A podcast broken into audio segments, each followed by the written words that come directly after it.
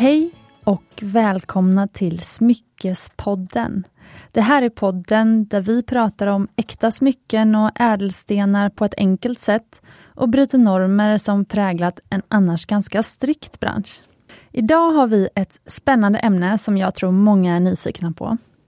Hur går det egentligen till att skräddarsy ett smycke?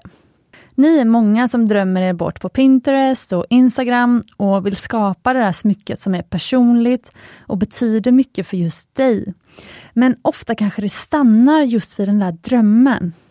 Ibland skickar man oskyldiga printscreens till sin partner och försöker få honom eller henne att fria med en skräddarsydd ring. Kanske händer det, kanske inte. Ni som lyssnar på podden varje vecka vet att jag brinner för att uppmuntra framförallt kvinnor. För det är hittills alltid kvinnor som under alla år kontaktat oss om det här. Att verkligen våga köpa ett fint smycke till sig själv. Det var ju också delvis därför som jag faktiskt startade Smyckespodden. Och om man har en partner så kan man ju såklart ta stöd av henne eller honom och låta partnern vara med på resan när man skapar sitt drömsmycke. Men det här med att skräddarsy handlar ju faktiskt om att skräddarsy ett smycke som ska passa perfekt till just dig själv. Att skräddarsy handlar ju om att ta allt det man gillar bäst och sätta ihop till ett smycke som är gjort för just dig. Och har man inte så specifika förväntningar och idéer så kan man ju faktiskt lika gärna köpa ett befintligt smycke som redan är designat och finns på marknaden. Det blir ofta både billigare och ibland kanske man faktiskt även blir mer nöjd eftersom man har sett hur det såg ut och provat smycket innan man köper det. För skräddarsydda smycken kommer man ju faktiskt både bestämma hur det ska se ut och även ofta betala och lägga orden innan man ens har fått smycket i sin hand. Man får helt enkelt använda bilder och sin abstraktionsförmåga och hoppas att det passar när det är klart. Så det är lite pirrigt, men samtidigt är det ju en del av skärmen. Men för att öka sannolikheten för att du faktiskt blir nöjd med ditt smycke, så är det bra att göra mycket research innan, tycker jag. Och jag tänker att det här poddavsnittet kan vara en del av den där researchen. Det här avsnittet är nämligen skapat för just dig som funderar på att skapa ett unikt personligt smycke till dig själv. Du är säkert full av tankar och idéer, men kanske även frågetecken och det kanske är en del saker du undrar över. Både hur det går till att skräddarsy ett smycke och vad man ska tänka på. Men även på möjligheterna. Alltså vad kan man egentligen skapa? Hur mycket kan man säga till om själv? Jag hoppas att det här avsnittet kommer ge dig inspiration och kunskap till att sätta igång din egen process med att skräddarsy en ring eller ett annat smycke. Och att du kommer känna att du får massvis av användbara tips och råd från andra som har gjort det innan dig. Och jag har faktiskt bjudit in en härlig tjej till just det här avsnittet. För hon är väldigt van vid att hjälpa både män och kvinnor att skräddarsy framförallt ringar. Just nu så är hon en kollega till mig och jag hoppas att hon kommer vilja vara kvar länge för både jag och våra kunder älskar henne. Men precis som när Halina varit här i podden så har ju den här tjejen sina e- helt egna erfarenheter och tips och råd. För även om vi är kollegor så jobbar vi ju alla på olika sätt och vi har delat upp så vi har olika typer av kunder. Och i vanlig ordning när jag har gäst så vill jag såklart berätta en liten bakgrundshistoria för dig som lyssnar. Vem är den här tjejen? Och när jag anställde henne så sa referensen som jag pratade med, det var en av hennes gamla chefer på ICA. Blir du inte nöjd med henne så ring mig, för då vill jag veta vad det var som var fel. Och för övrigt, och nu kommer vi in på ett sidospår, men det här är så viktigt att jag vill ge ett litet business-tips så här innan vi drar igång.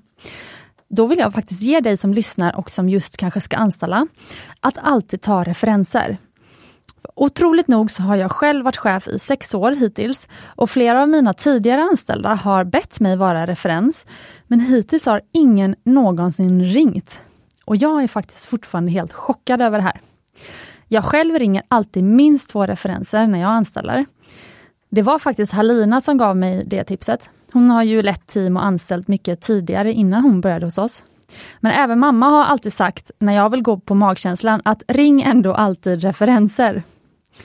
Och någon gång så kan jag ju dra storyn om när jag tyckte att jag hade hittat en perfekt person till att bli butikschef för vår dåvarande pop-up-butik i Oslo. Och när vi sen ringde referenser så trodde man inte att det var samma person. Det var Halina som ringde referenser då.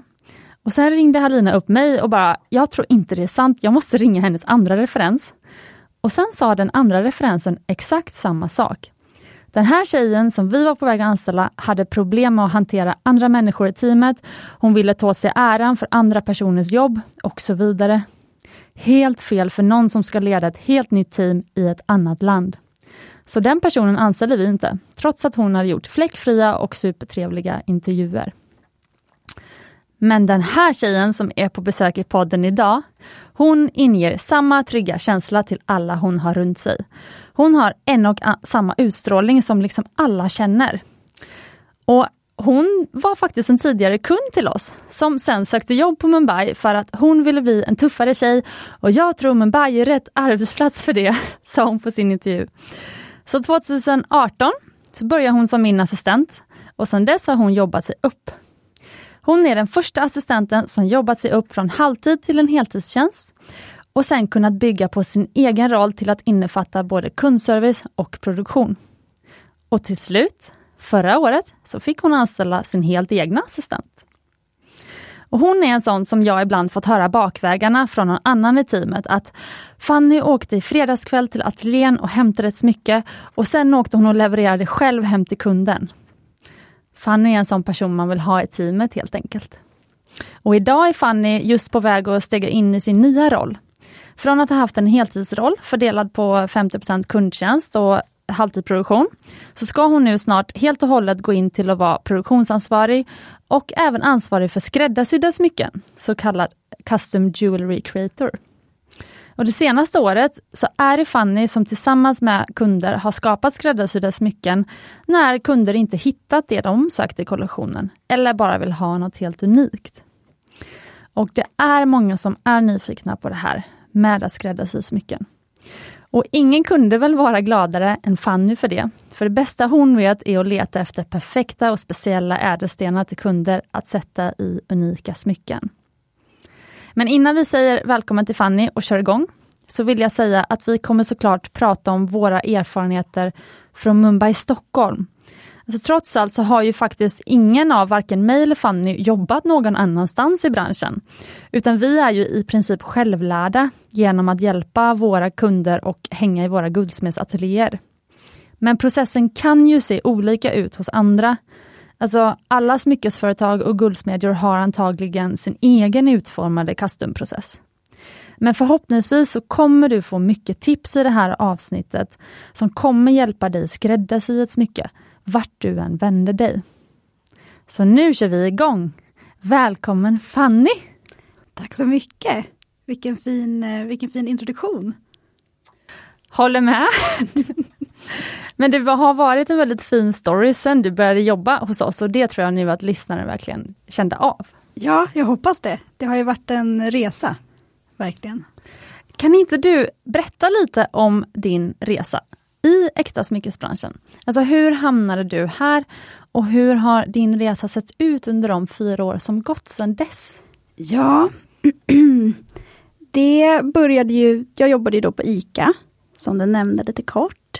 Eh, hade följt Mumbai Stockholm i tre eller fyra år tror jag. Köpt både en Tiny Diamond Ring och en Not So Tiny Diamond Ring.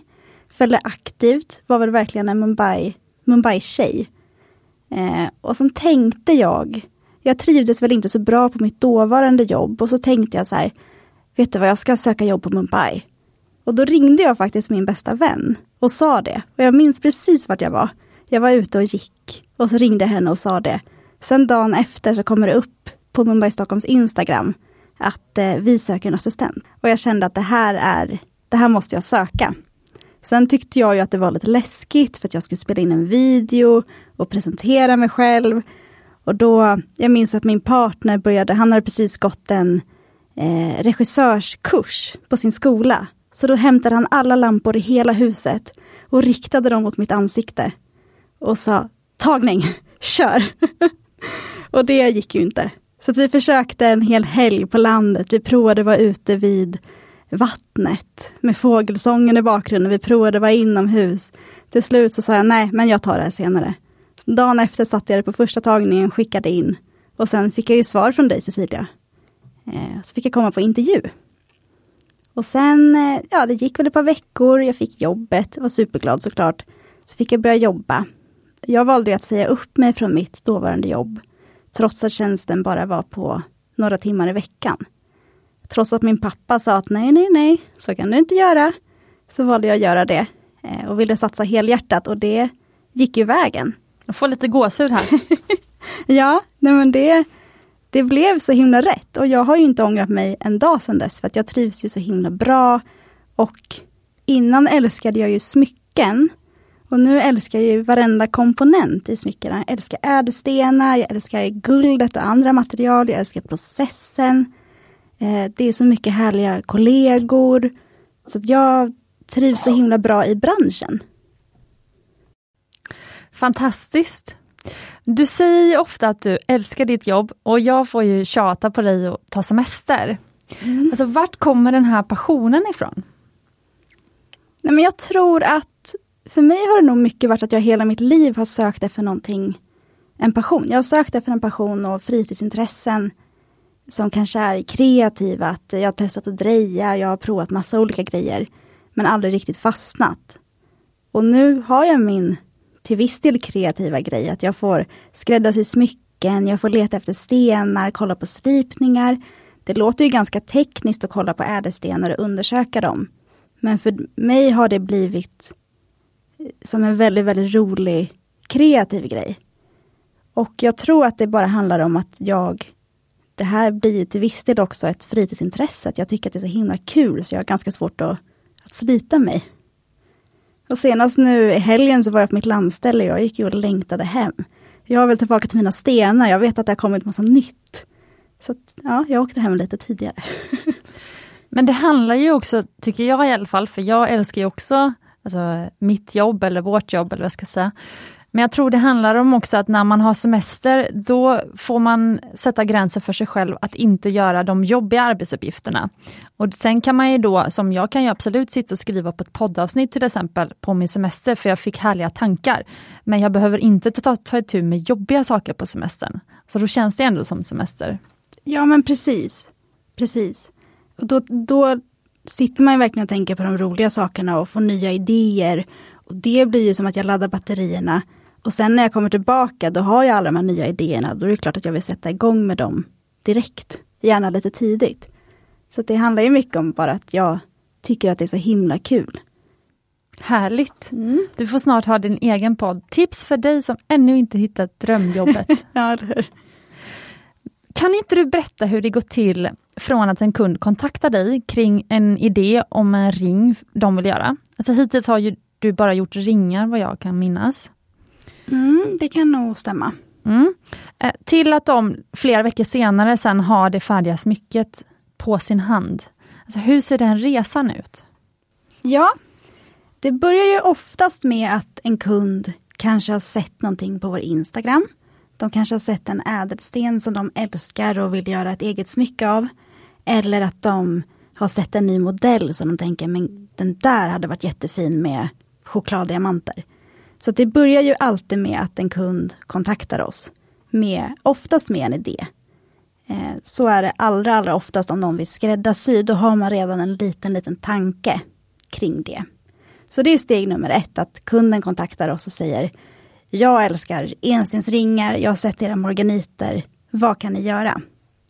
Efter det så börjar vi bolla idéer och jag ger råd utifrån eh, till exempel vilket ändamål det är. Ska de ha ringen som förlovnings och vigselring? Ja, men då kanske jag avråder från en viss ädelstenstyp. Eh, och är de ganska klumpiga, ja men då kanske de vill ha en, en lägre fattad sten. Så vi börjar bolla idéer utifrån... Om vad är klumpigt? om personen är klumpig. ja okej, okay. så jag man talar... måste ha självinsikt då när man ska... Ja. jag talar från, både från erfarenhet och från, utifrån mig själv, att jag föredrar lite lägre ringar i och med att jag tenderar att fastna i saker och vara lite klumpig. Så. Eh, så att vi går igenom sådana grejer och det kan man antingen göra över mejlen eller hos oss i showroomet. Eller på telefon ibland? Eller på telefon och Facetime. Vi har ju våra virtuella möten. Senaste helgen så pratade jag med två britter som ville göra lite ja, skräddarsydda smycken så, sitt bröllop. Mm. Och efter det, efter att vi har bollat idéer, då börjar vi gå igenom alla detaljer. Vilken guldfärg vill du ha? Vilken ädelsten är du ute efter? Modellen, storlek, alla sådana detaljer. Ofta när man skräddarsyr så kanske man är ute efter en viss ädelstenstyp. Det är väldigt vanligt. Och då börjar jag eh, kolla runt på marknaden efter ett eh, alternativ, eller flera alternativ. Och då när jag har hittat det så återkommer jag. Och vi går igenom de detaljerna. Vad är det för karat? Vad är det för ursprung? För behandlingar, slipning. Och om ni gillar ädelstenen, eller kunden gillar ädelstenen, då sätter vi igång med produktionen. Sen får man längta i några veckor. Tyvärr har varit där innan smycket är färdigt. Har det någon gång inte blivit som du eller kunden tänkt sig? Absolut. Jag vet att du Cecilia pratat om det tidigare, att det finns alltid en risk för att stenen går sönder, till exempel. Eh, och det är ju såklart väldigt, väldigt tråkigt när det händer, men det händer ju. Hur då? Eh, till exempel vid eh, infattning är det väldigt vanligt. De få gånger som det händer att man, det finns ju ett riskmoment under infattningen när klorna ska sättas över stenen. Och då, jag pratade med en steninfattare nyligen, han beskrev det som ett klick. När han hör det klicket, han ser ingenting, men han hör klicket och då vet han att nu har den gått sönder.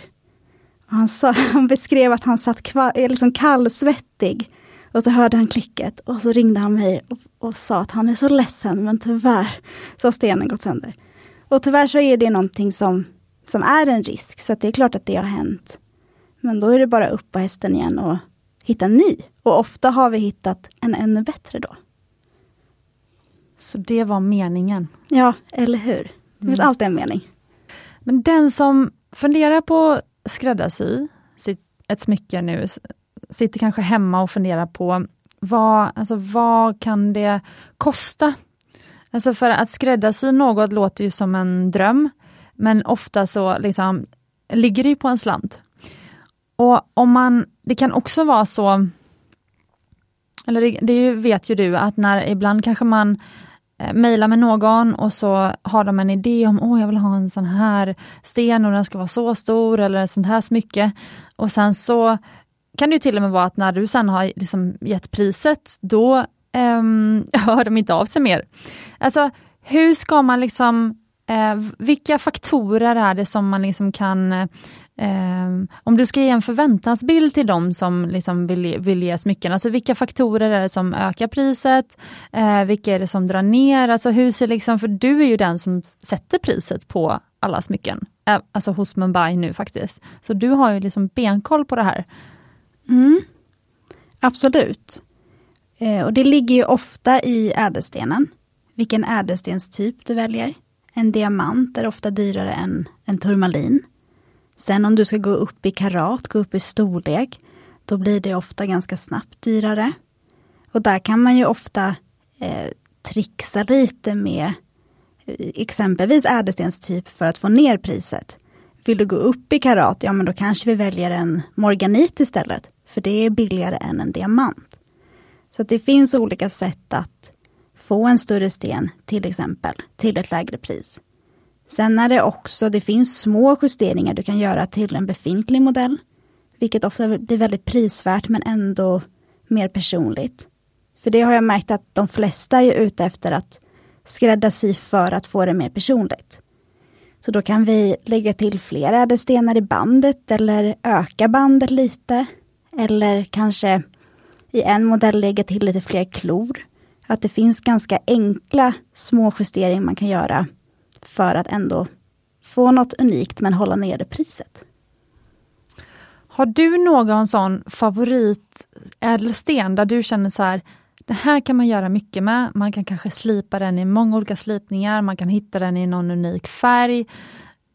men som ändå inte kostar skjortan. Alltså, för ofta också, om jag tänker att man kanske är lite ny på det här med att skräddarsy smycken, så kanske man inte ska slå på det allra största med en gång. För att det är lite som när man renoverar lägenheter eller hus, alltså tredje huset blir bra säger de väl. Alltså hur, hur kan man liksom börja prova och lite skräddarsy sina eh, smycken för att eh, liksom testa på lite grann. Finns det några som du rekommenderar, så här, ah, men då, då tycker jag att du kan satsa på det här? Mm. Det beror ju lite på syftet med ringen, tänker jag rent spontant. Ska det vara en förlånings och vigselring, då kanske man ändå vill köra på de allra hårdaste stenarna. Som, som du nämnde tidigare då, så kanske är det tredje huset eller den tredje ringen som blir bäst.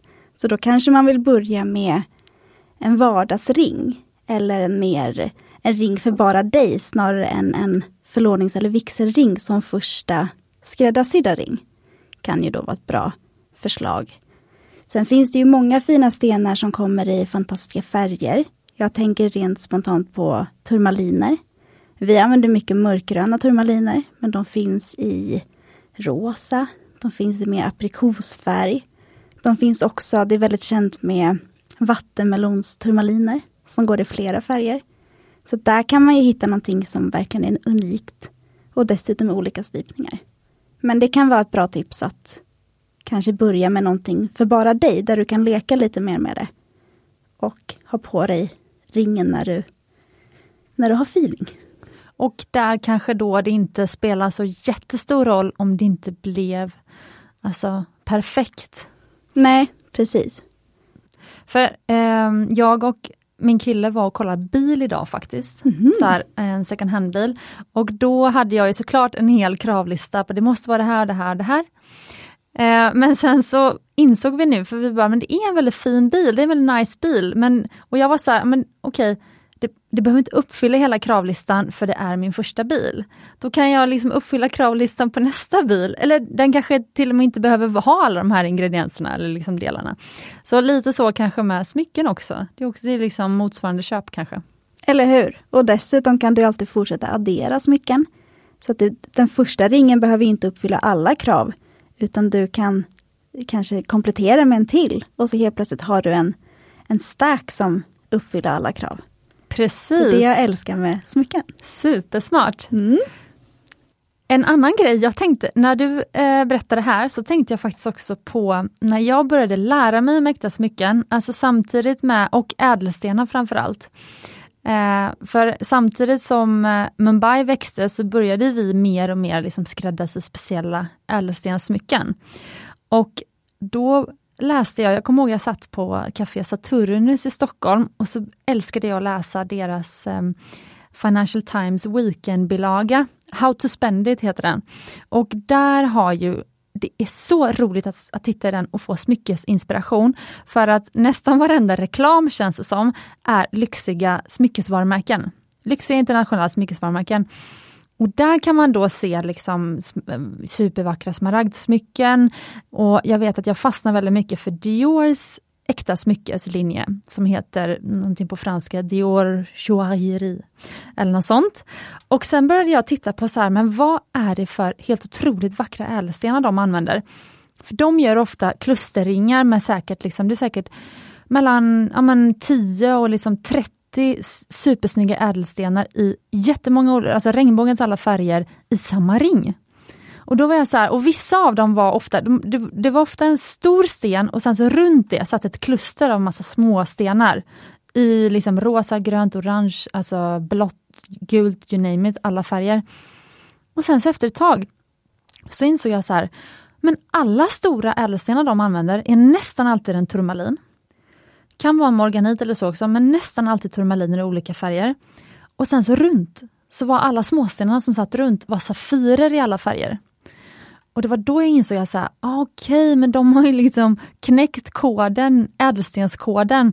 Alltså stora stenar är liksom alltså turmalin, kanske kvartser eh, eller ja, men spinell. Alltså det finns heliodor, morganit. Alla de kan man få ganska stora till ganska, alltså, topas även, till ganska lågt pris. Och sen så Safirerna, för Safirerna när de blir över en halv karat, alltså över 5 mm i diameter, då blir de ganska dyra direkt. Men så länge de är under 5 mm i diameter, det är som den här magiska gränsen, och det motsvarar ungefär en halv karat, då är de mycket mer överkomliga pris och då kan man ösa på med Safirer i massa olika färger som är lite mindre storlek.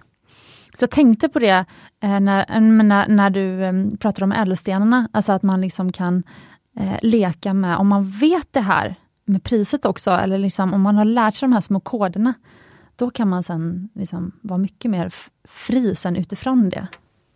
Ja men precis, och alla de stenarna som du nämner är ju jättevackra och härliga stenar. Och precis som du säger så kan man få dem med lite större karat till ett lite mer överkomligt pris. Så de är perfekta starten om man ska börja leka lite med sin kollektion. Och kanske redan har basgarderoben och vill addera någonting färgglatt och stort. Precis! Du har lyssnat på Smyckespodden har jag. Eller hur? Men berätta, eh, det här med färg då, det är ju roligt tycker jag.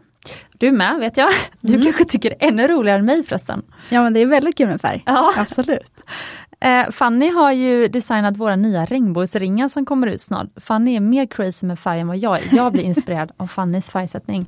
Men hur brukar du, alltså vad brukar kunder prata med dig om kring färg? Är de, är de nyfikna på färg eller är de är det liksom mest klassiska färger som de vill jobba med, alltså till exempel blå safirer eller eh, röda rubiner och vita diamanter och så håller de sig till det. Eller, eller pratar de mycket om färg? Det allra vanligaste är väl, skulle, vi har ju mycket förlånings och vigselkunder och där är det ofta vitt och champagne, eh, diamanter. Sen har vi ju, det är väldigt vanligt att man kanske vill ha vitt eller champagne som bas och addera en liten färg till exempel ljusgrönt, att man har en ljusgrön sten. Jag tror att en anledning till att vi vill till exempel jobba med regnbågsringar, det är ju för att väcka tanken hos folk. Att det finns så mycket fantastiska ädelstenar och färger som man kan jobba med.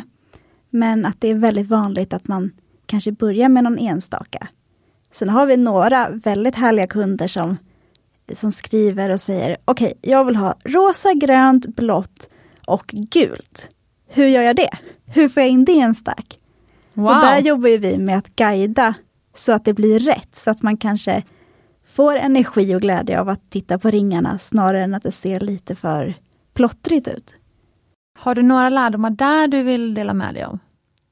Ja, jag har ju lyssnat på podcasten såklart med färgavsnittet och det, min tanke från det är att du har ju två händer.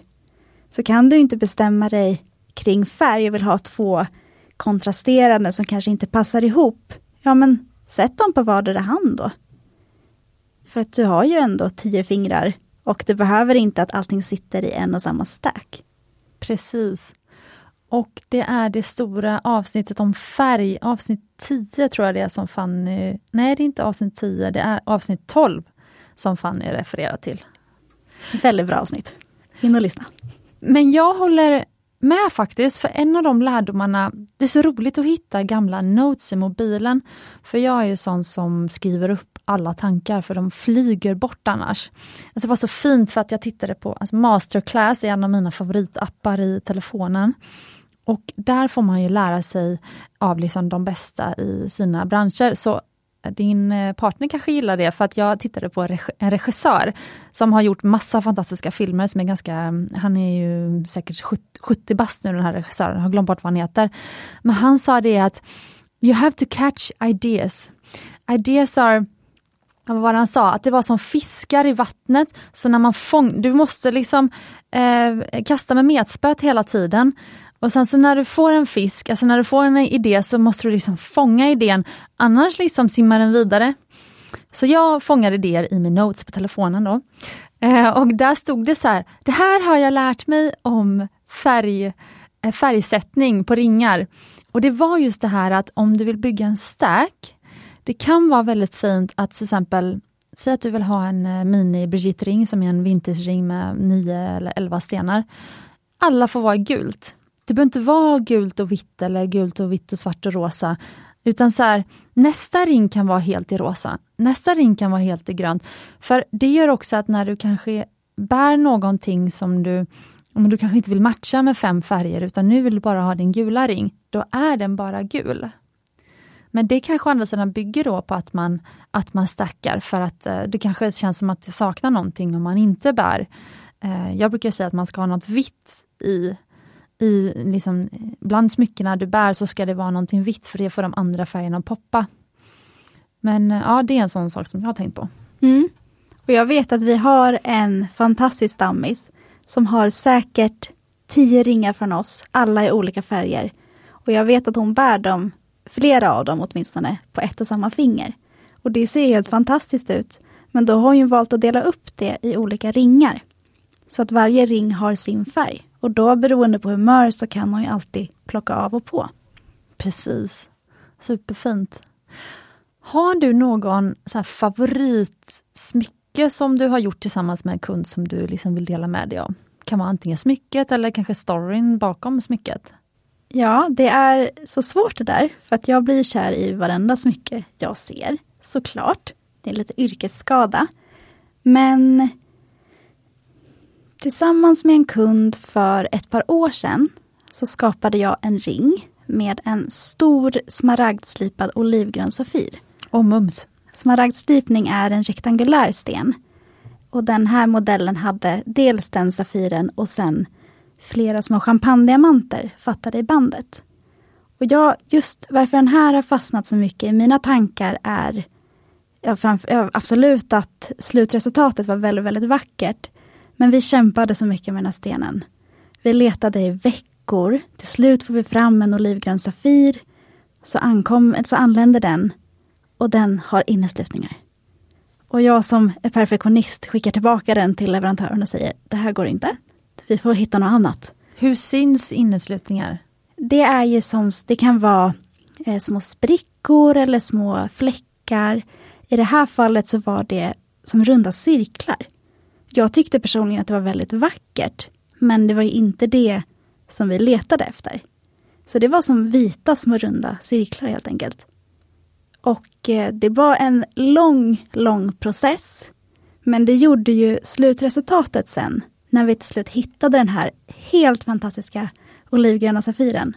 Då blev det så mycket mer, ja det blev mer fantastiskt att se den här ringen sen med den stora stenen. Wow! Så det är nog min, min favorit. När brukar du rekommendera en kund att kanske inte skräddarsy? Och när är det läge att skräddarsy? Finns det några sådana liksom, situationer? Absolut. Jag hade, till exempel så hade jag en kund inne i helgen som ville köpa en hel allians med stenar hela vägen runt. Och så sa hon det att jag kanske vill lägga till en färgsten för att få det lite mer unikt. Men jag gillar ju verkligen vita diamanter. Och jag tror att de flesta som hör av sig och vill skräddarsy, det är ju just för att man vill göra det mer unikt. Och som du har pratat om tidigare i podden, så vill man gärna liksom binda upp köpet till något. Att det ska vara för en befordran eller att det ska vara för, eh, för att man gifter sig, att det ska ha en betydelse. Och då blir det samma sak att du vill att det du köper ska kännas ännu mer unikt. Så att det blir mer personligt för dig. Men där avrådde jag faktiskt från färg. För att jag märkte att hon, det var ju vitt hon ville ha. Men hon var rädd att det skulle bli för normalt, för tråkigt att köra på det som många andra också väljer.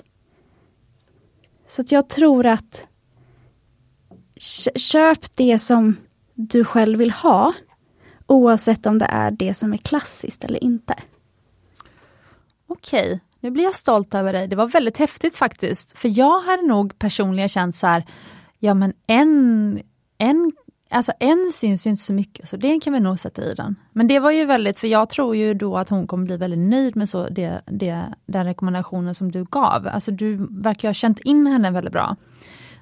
Ja, vi hade ju såklart en diskussion kring det.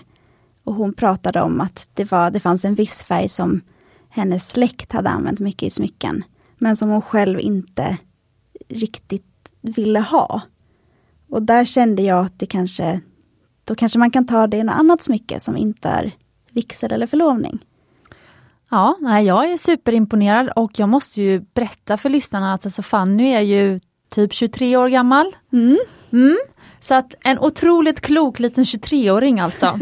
ja, jag är så stolt. Um, finns det någon komponent som kunder ofta glömmer själva när de designar?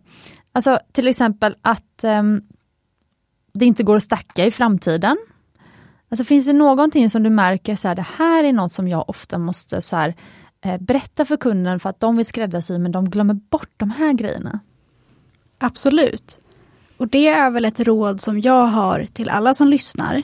Att välj en designer som ni verkligen litar på och bolla alla frågor som ni har med dem. Det kan handla om att man vill ha ja, en smaragd, men det är lite för skört för att ha i en ring som ska bäras varje dag.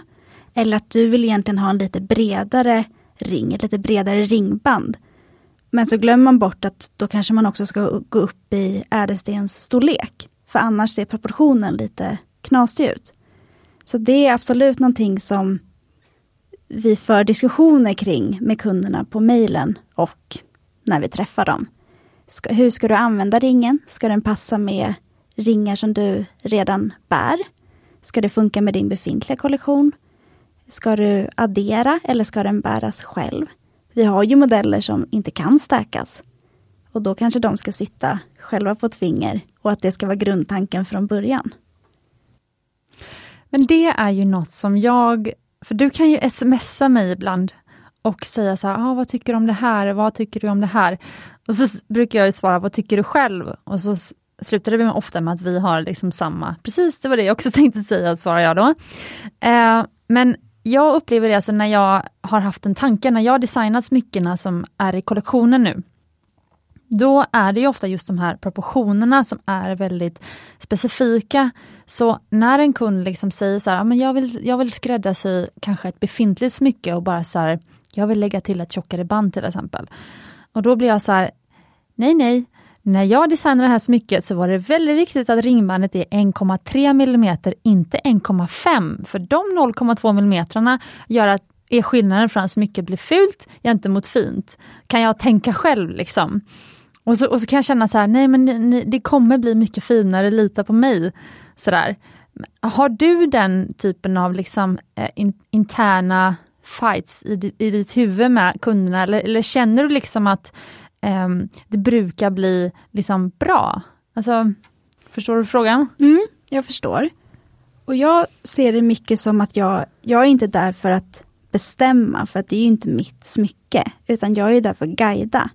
Så att vill någon gå upp i ringband, till exempel till 1,5, då brukar jag förklara vad skillnaden blir. Försöka visa lite bilder på hur det skulle kunna se ut. Eller om, eh, om vi har rätt ädelsten inne, ja men då kan jag fota ädelstenen när den ligger på ett 1,5 mm ringband. För mig tror jag att processen väldigt mycket är att guida till rätt beslut. Och det beslutet behöver inte nödvändigtvis vara det som jag skulle ha tagit.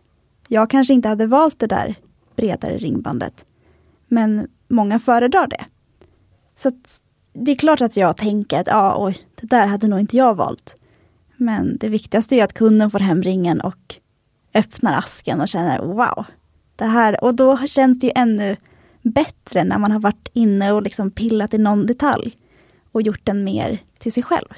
Precis. Vad är dina tre bästa tips för lyssnare nu som sitter hemma och tänker att Nej, men jag vill skräddarsy ett smycke? Om du har liksom, ja, men dina tre bästa tips, kanske erfarenheter från kunder eller ja. Mm. Jag brukar rekommendera att man tittar på inspirationsbilder på olika modeller, ädelstenar, olika former.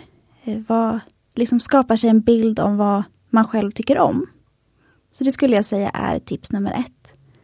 Att jobba mycket med att hitta din stil, och, för det är en bra grund sen när du ska in och skräddarsy någonting. Just eftersom att du nämnde, som du nämnde, att man inte kommer kunna se en färdig bild innan. Sen eh, som vi har tjatat mycket om, både Halina och du och jag under varenda kundmöte lyssna på magkänslan. Den har alltid rätt. Det är på något sjukt, väldigt, väldigt konstigt sätt så har den alltid, alltid rätt.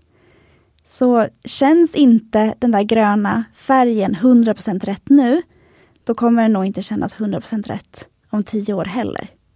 Så lyssna på magkänslan, även om det slutar i att du kanske väljer något som du själv tycker känns för klassiskt, att du kanske väljer vita diamanter. Ja, men då kanske det är rätt beslut. Och det har väl blivit ett klassiskt alternativ av en anledning, för det är ju så himla snyggt. Så att lyssna alltid på magkänslan.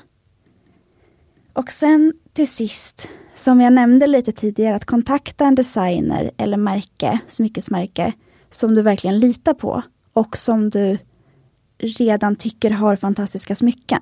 Att du ska kunna scrolla igenom deras hemsida eller Instagram och känna den där skulle jag kunna köpa och den där vill jag ha och den där vill jag ha. För att då kan du nästan välja vad du vill ur kollektionen. Även om du inte skulle skräddarsy utan bara plocka något färdigt. Och ändå bli supernöjd. Och då är självklart chansen också större att du blir nöjd med slutresultatet om du skräddarsyr. Jättebra tips.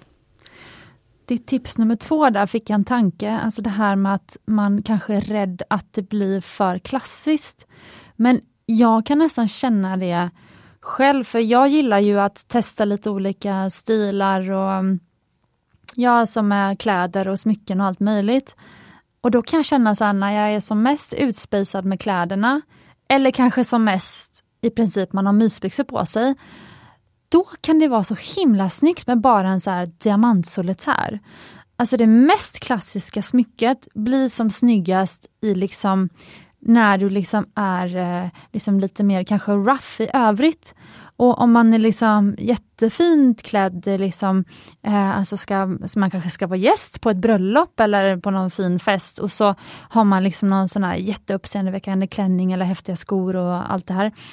Ja men då kan, då kanske man också vill ha den här liksom superspeciella ringen som liksom man är typ grön och rosa eller någonting. Alltså det, det kan ju, alltså det, behö, alltså det behöver inte bli eh, tråkigt för att, alltså diamanter till finklänningen kanske är ett tråkigt alternativ än liksom diamanter till myskläderna. Ja. Mm. ja men jag håller med och då är det ju perfekt med exempelvis en cocktailring som kanske inte är lämpad för att bäras varje dag. Som jag vet att Victoria nämnde i avsnittet om antika smycken, att hon har sin stora smaragdring som hon bär bara på fredagar. Så härligt! Eller hur? Och den kanske då hade varit perfekt på det här bröllopet, men inte till vardags. Och den kanske inte heller hade känts rätt till vardags varje dag. Så att, ja, absolut. Och jag vet personligen att jag har startat med väldigt eh, snälla ringar med champagne och med vitt. Och det är först nu som jag börjar beställa lite mer vågade med rött och rosa och andra färger. Så det kan vara kul och man kan ju alltid bygga vidare och fortsätta och vill du inte ha grönt på dig varje dag, nej men beställ en ring med en annan färg sen då. För Det är en kul grej. Du håller, har ju faktiskt nu skräddarsytt ett smycke till dig själv som är i produktion nu. Mm. Kan du inte berätta om det? Ja. Känner man mig så vet man att jag är ganska velig. Jag ger ju tips och råd till kunder hela dagarna och ändå har jag inte kunnat liksom committa till en och samma färg ännu. Men nu har jag äntligen beställt en rubinring med champagnediamanter. Efter mycket om och men. Jag har hållit den över champagnediamanter och testat i olika modeller och grejat med det där i månader. Men nu till slut så, så har jag beställt den. Hållit den över champagnediamanter? Ja, jo, men med pincetter, hållit över andra ringar som har samma typ av storlek på champagnediamanterna. För nu ska det vara som ett litet sparkle med en millimeters champagnediamanter på sidorna, på vardera sida om rubinen. Så att jag har, ja, man kan, man kan trixa lite för att ändå visualisera. För det är ju faktiskt ett bra hack och berätta för lyssnaren också. Alltså om du är hos i en guldsmedja eller om du kommer till oss eller om du har videomöte, då sättet som vi brukar alltså, hjälpa kunderna att visualisera hur en liksom, framtida skräddarsydd ring kommer se ut, är ju att liksom, använda pincetter, lösa stenar, befintliga ringar och liksom skapa en eh, ja men kanske då ta med pincetten, den här röda rubinen, lägga över kanske en evighetsring med champagnediamanter. Eller alliansring. Eh, och så ser man så här, ja men ungefär så kommer en röd rubinring se ut med en sparkle av champagnediamanter. Så vi har ju tips och liksom lite så här, eh, tricks vi använder oss av. Absolut. Jag har precis också upptäckt tejp, hur fantastiskt det kan vara. För ja, älskar se, tejp. Ja, det är fantastiskt. Man, då ser man att stenarna ligger där de ska. Man kan lägga dem hur man vill på handen. Man kan se om de täcker rätt mängd av fingret. För att de är fasttejpade då i Precis, tejpen? för mm. de sitter fast. Mm. De som jobbar med stenar vet att de, de flyger överallt. De landar i mattan, man hittar dem tre dagar senare. Så de är lite hala de där stenarna. Din, du pratade om att förbereda sig som kund. Och då undrar jag, hur kan man förbereda sig och hur långt innan ska man börja förbereda sig? Ja, vissa kunder hör ju av sig utan att ha förberett sig alls. Och vill bolla idéer redan från början. Och det visar ju på väldigt stort förtroende att de litar på vår eh, liksom yrkeserfarenhet. Men jag tycker ändå att det kan vara bra att ha koll på några grejer. Och det kan vara så enkelt som att vilken guldfärg vill du ha? Och jag vet att vi har pratat om det, eller ni har pratat om det tidigare i podden, att det kanske inte alltid är så enkelt med guldfärg till exempel. Men det kan vara en, en del av det. Vad gillar du för guldfärger? Vad gillar du för, men som jag nämnde tidigare, gillar du att saker liksom sticker upp på händerna? Eller ska det vara platt? Vill du ha någonting lite maffigare? Vad är det för syfte? Det brukar också underlätta väldigt mycket. Är det en ring som ska bäras varje dag, eh, så kanske den bör se ut på ett visst sätt eller ha en viss typ av ädelsten.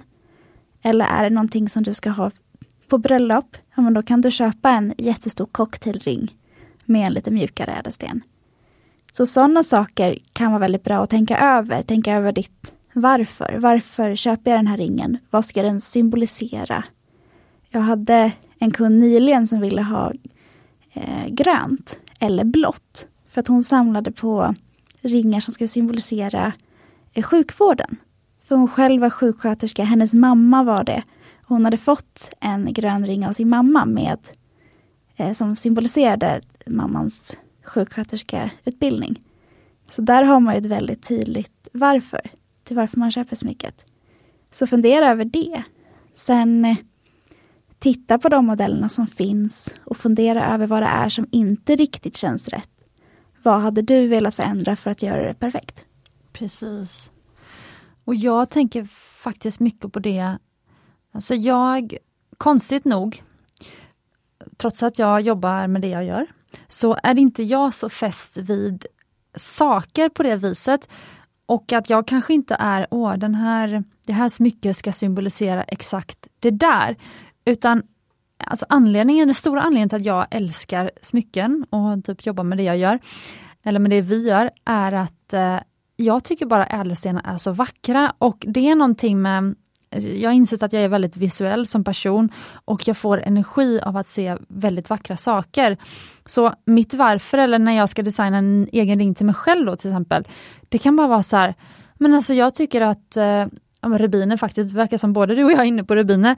Men jag så här, rubiner är så vackra att se på. Vackra rubiner är så vackra, så jag, så här, jag, jag bara måste ha en rubinring. Och så kan jag vara så här, men vad då i min smyckesamling, alltså vilken typ av ring saknar jag? Jag vet att jag vill ha rubiner för att jag liksom kommer bli glad när jag ser dem, för att man får en varm känsla bara. Och sen så, okej, okay, men vilken ringmodell är det jag saknar just nu i kollektionen? Vilken ringmodell vill jag ha för att kunna stacka med? Okej, okay, då ska det vara det. Okej, okay, då blir det den med rubiner. Så Angel ring väntar jag ju på nu rubiner. ja. men, men men det kan ju även vara, jag vill ändå säga det till lyssnare, om det finns någon lyssnare som är som jag och bara känner så här, men jag vet inte exakt varför jag vill ha en ring, jag bara vet att jag, att jag vill ha en ring. Eh, det kan ju också vara en sån enkel grej som att du älskar ädelstenar och vill ha din första ädelstensring.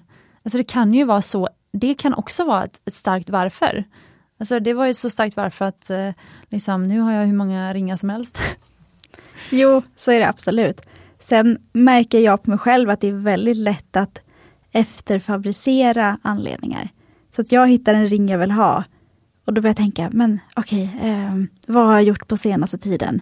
Ja men du, jag gjorde ju det här, ja men det är klart jag förtjänar en ring. Ja men då ska den, då kanske jag graverar någonting i för att symbolisera det. Att det behöver ju inte alltid vara att det har hänt någonting, utan det går ju alltid att länka olika saker till det. Jo, om men, det känns viktigt. Ja men det å andra sidan, alltså jag tror ju att en av de stora, alltså om man tänker med psykisk ohälsa och sånt och stress och sånt, Alltså det man börjar få lära sig ofta när man börjar gå till en psykolog eller man börjar få, liksom, få hjälp i någon form av liksom, för att hantera sin stress. Alltså det är också det här stanna upp, njut av det du har. Alltså var tacksam för det du har. Och därför tycker jag verkligen det här att fira en prestation eller liksom fira Eh, väldigt ofta har det ju varit, eh, för Mumbai har ju varit en otroligt stor del av mitt liv de senaste åren. Och de flesta anledningar jag har haft att fira någonting är ju för att man tagit sig igenom något stort med Mumbai. Det har ju i princip varit mitt liv väldigt många år. Så att väldigt många av mina smycken som jag har hemma i min smyckesbox är ju så här, åh det var eh, liksom första månaden som vi nådde den här försäljningen eller liksom ja, men efter förra året, att vi tog oss igenom förra året, eh, då kan det vara så här, nej men nu måste jag göra en ring för det här. Så det kan ju vara liksom väldigt så, alltså den typen av att fira och det är ändå en, jag tror att det är liksom en hälsosam grej att stanna upp och fira med det man, med det som betyder något för en. Ja, och jag tror att alla behöver en jag klarade mig igenom 2020 ja, ring. Precis. Har jag känt. Jag har tänkt att det kanske blir tio ringar för mig. Ja. För att man har kämpat sig igenom. Så jag håller med dig där. Och även om du kanske inte fäster någonting till smycket vid den tidpunkten som du köper det, så kommer du alltid tänka tillbaka till livet då. Ja, att det verkligen. samlas ju minnen kring det, kring det köpet. Jag vet när jag köpte mina första ringar, innan jag började jobba här, jag kommer ihåg det väldigt tydligt. Själva processen, första kontakten med, med, med företaget och sen väntan Sen får man äntligen det där mejlet om att ringen är färdig. Och sen första gången man tar på sig det. Fantastiskt. Men det är faktiskt, jag tänkte på det nu när vi pratade, det här med att gravera som du sa också. Alltså det är något som jag själv nästan aldrig gör i ringar, men nu blir jag så här, tusan, varför? För att vi har ju också gratis gravering och de flesta guldsmeder, om du går till en guldsmed, det kostar inte mycket att gravera och många bjuder säkert på det när du gör ett smycke. Eh, alltså gravera alltid inåt ringen. Jag ska börja göra det. Jag ska, jag ska komma på något och gravera in i Angel Ring med rubiner nu. Så man kommer ihåg varför man, liksom, vilken period i livet man var när man köpte ringen. Ja, eller hur? Och jag har tänkt på att du inte gör det. Att jag gör ju det slaviskt. Och det är också ett tips jag har för att skräddarsy.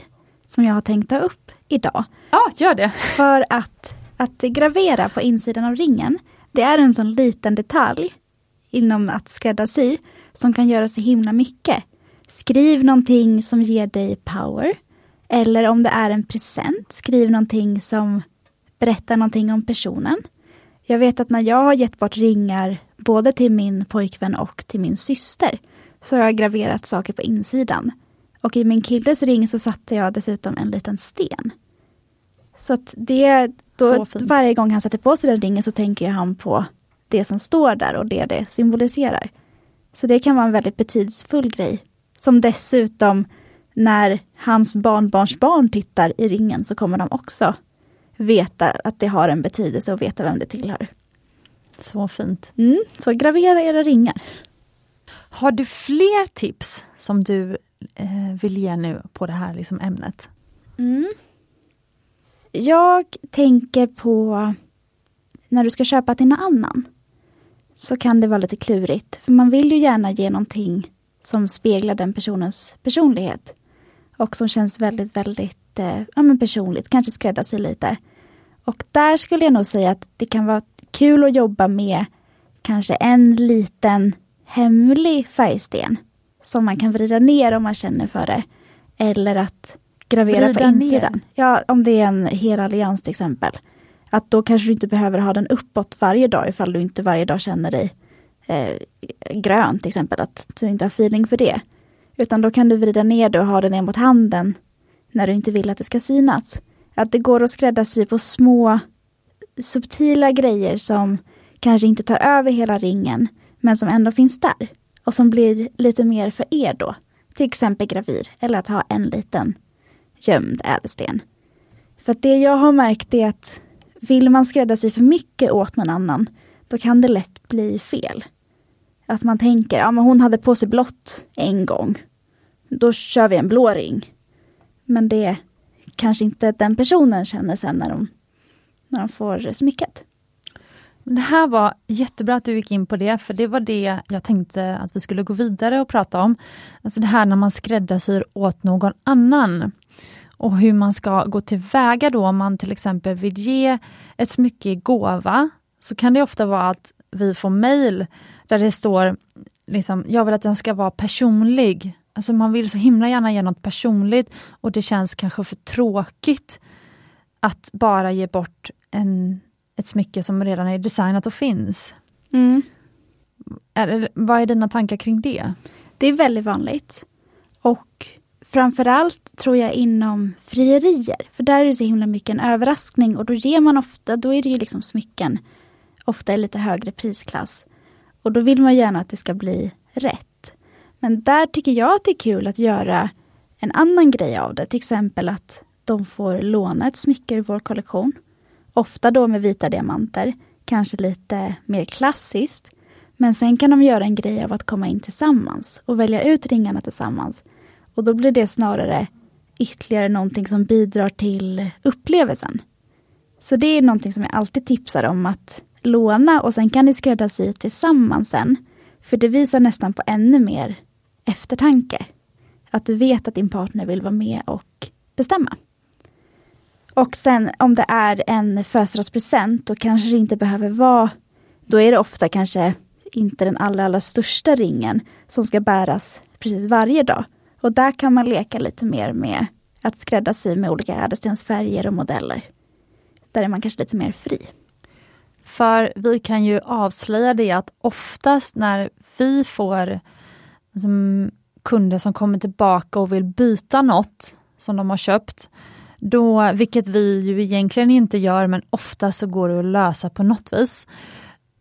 Men då är det faktiskt oftast att den som har gett smycket, för det är oftast då när någon ger ett smycke till någon annan som det är faktiskt, det är de gångerna som det kan bli fel. Då är det oftast när den personen har valt en för liten sten eller att man givit en färg som man inte vill ha. Mm, precis. Och det har jag fått höra många gånger. Att det är en jättefin ring, men jag kanske inte hade valt den. Senast nu i helgen så, ni pratade ju förra poddavsnittet om pärlor. Senast nu i helgen var det en som hade blivit fria till med en pärla. Och i efterhand så hade de insett att den kan ju inte riktigt användas varje dag. Så det är ju så många aspekter som man ska tänka på och kanske konsultera någon om.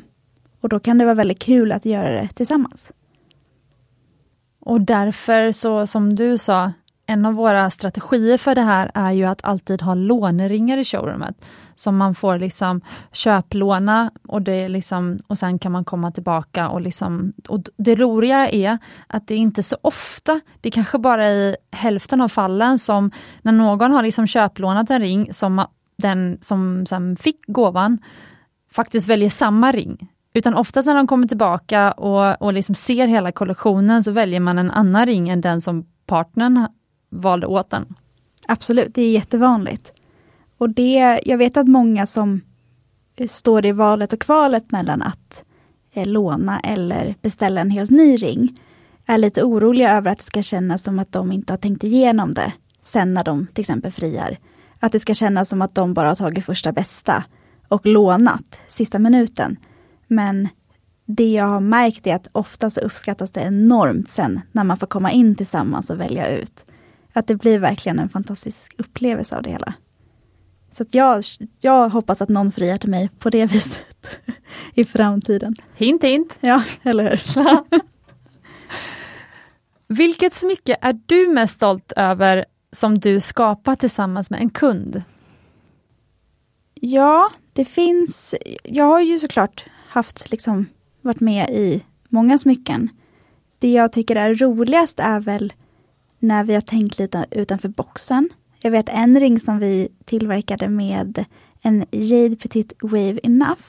Det är en vågformad, väldigt liten och petit ring med, jag tror att den här hade nio stycken ädelstenar.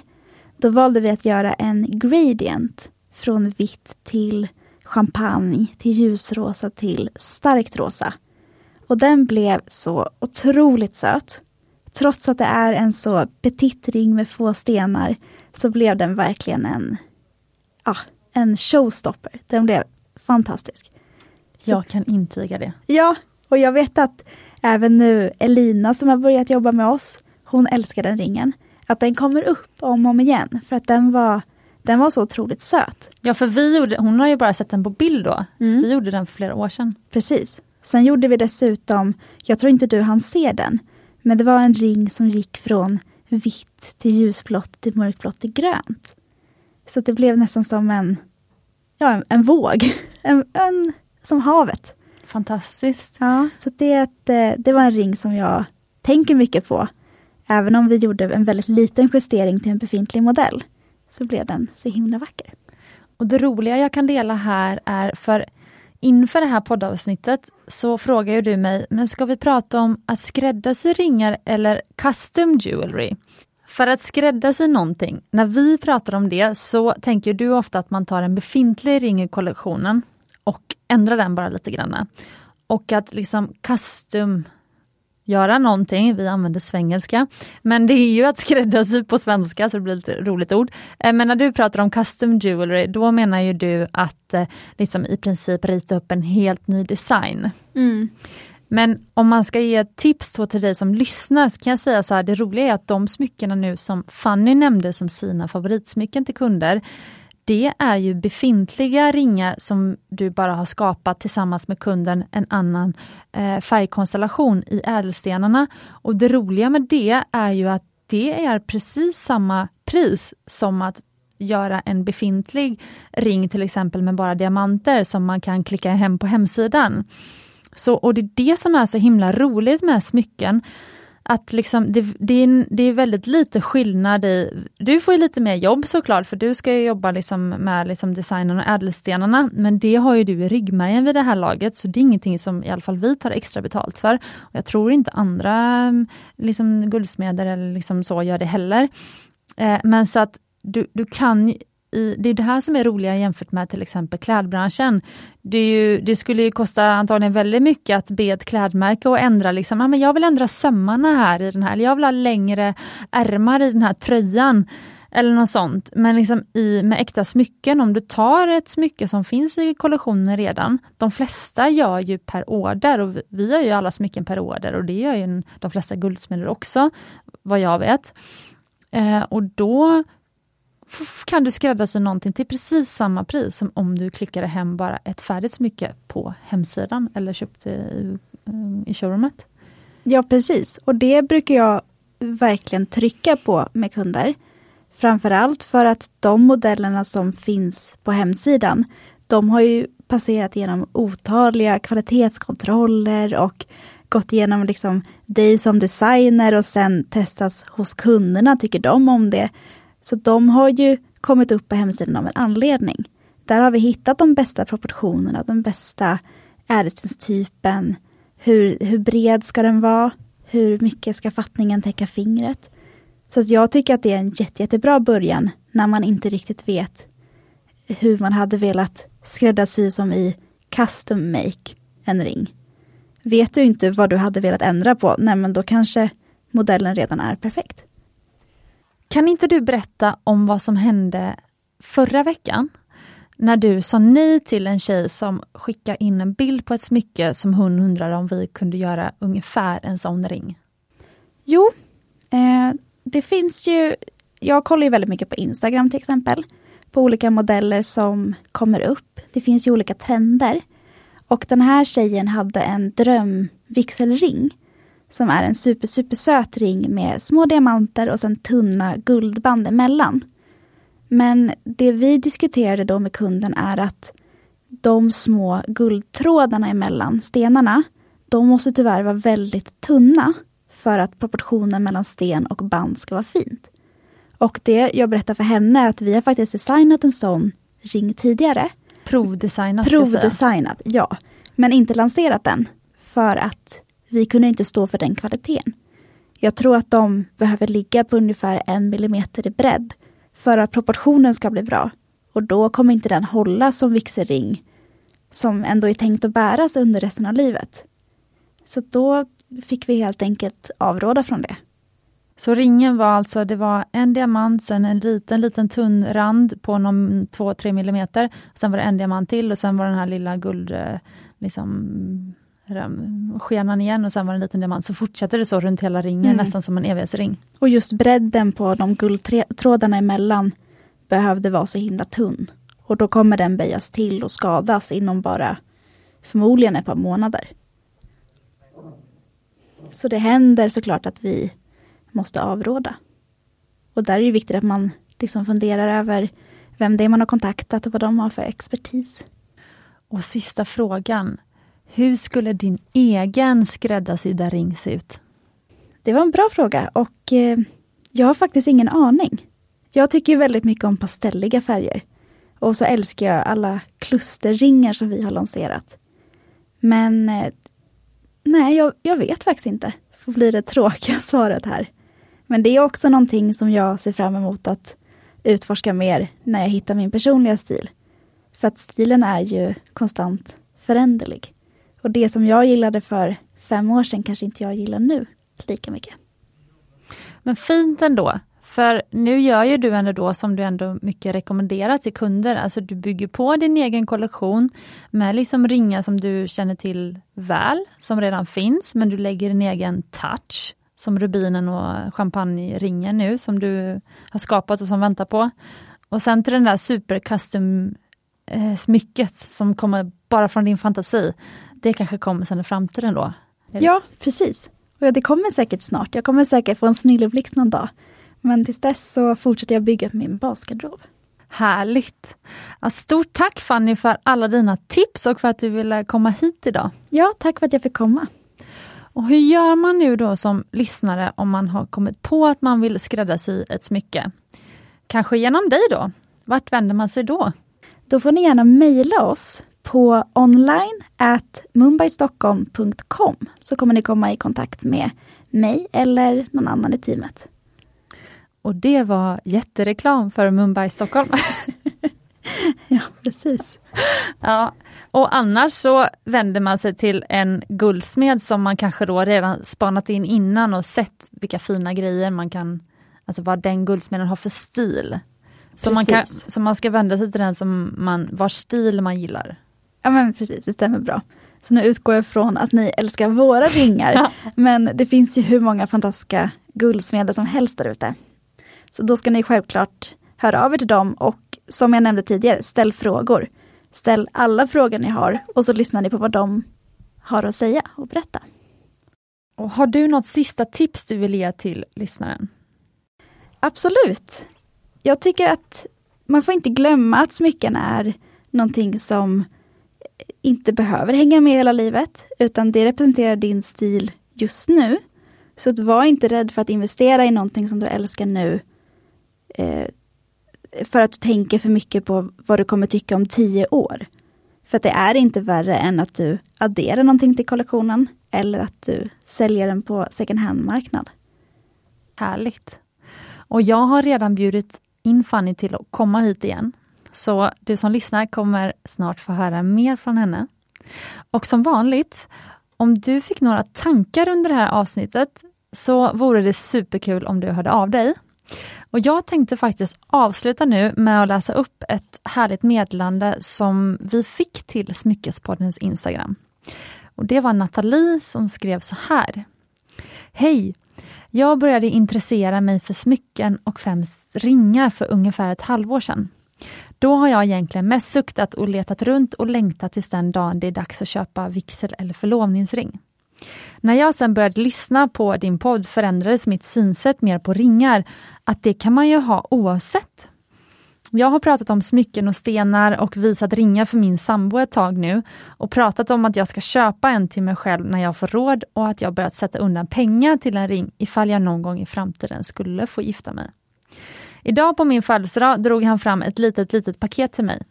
Och där i låg en helt otroligt vacker ring En för mig riktig håll i käften-ring som jag nog inte skulle köpt själv men som är så självklart perfekt för mig och som känns helt rätt. Och det var också så självklart för mig att det inte var någon förlovningsring utan att han bara hört mig och mitt intresse. Det var så fint när vi pratade om det sen och han berättade hur nervös han var när han skulle köpa den och ge mig den. Hur han hade pratat med personalen i butiken om olika material, hur man eventuellt senare kan kombinera den med eventuella vigsel och förlovningsringar, hur tåliga stenarna var och så vidare. Han sa att han hade känt sig så glad, fascinerad och stolt över ringen och över att våga köpa en ring till mig utan att det var ett löfte bakom, utan det var bara för att visa sin uppskattning. Hur han tyckte att det var roligt att kolla där på ringarna och att han ju då eventuellt i framtiden kan ha lättare att välja ring till sig själv på grund av erfarenhet med ring till mig. Tack för att du vidgar våra vyer. Det är som man får gåshud. Verkligen, vad fint! Ja, underbart! Så skriv gärna till oss på Smyckespoddens Instagram så kanske jag läser upp ditt i podden om jag får. Tack snälla Nathalie! Och glöm inte, du är värd äkta smycken.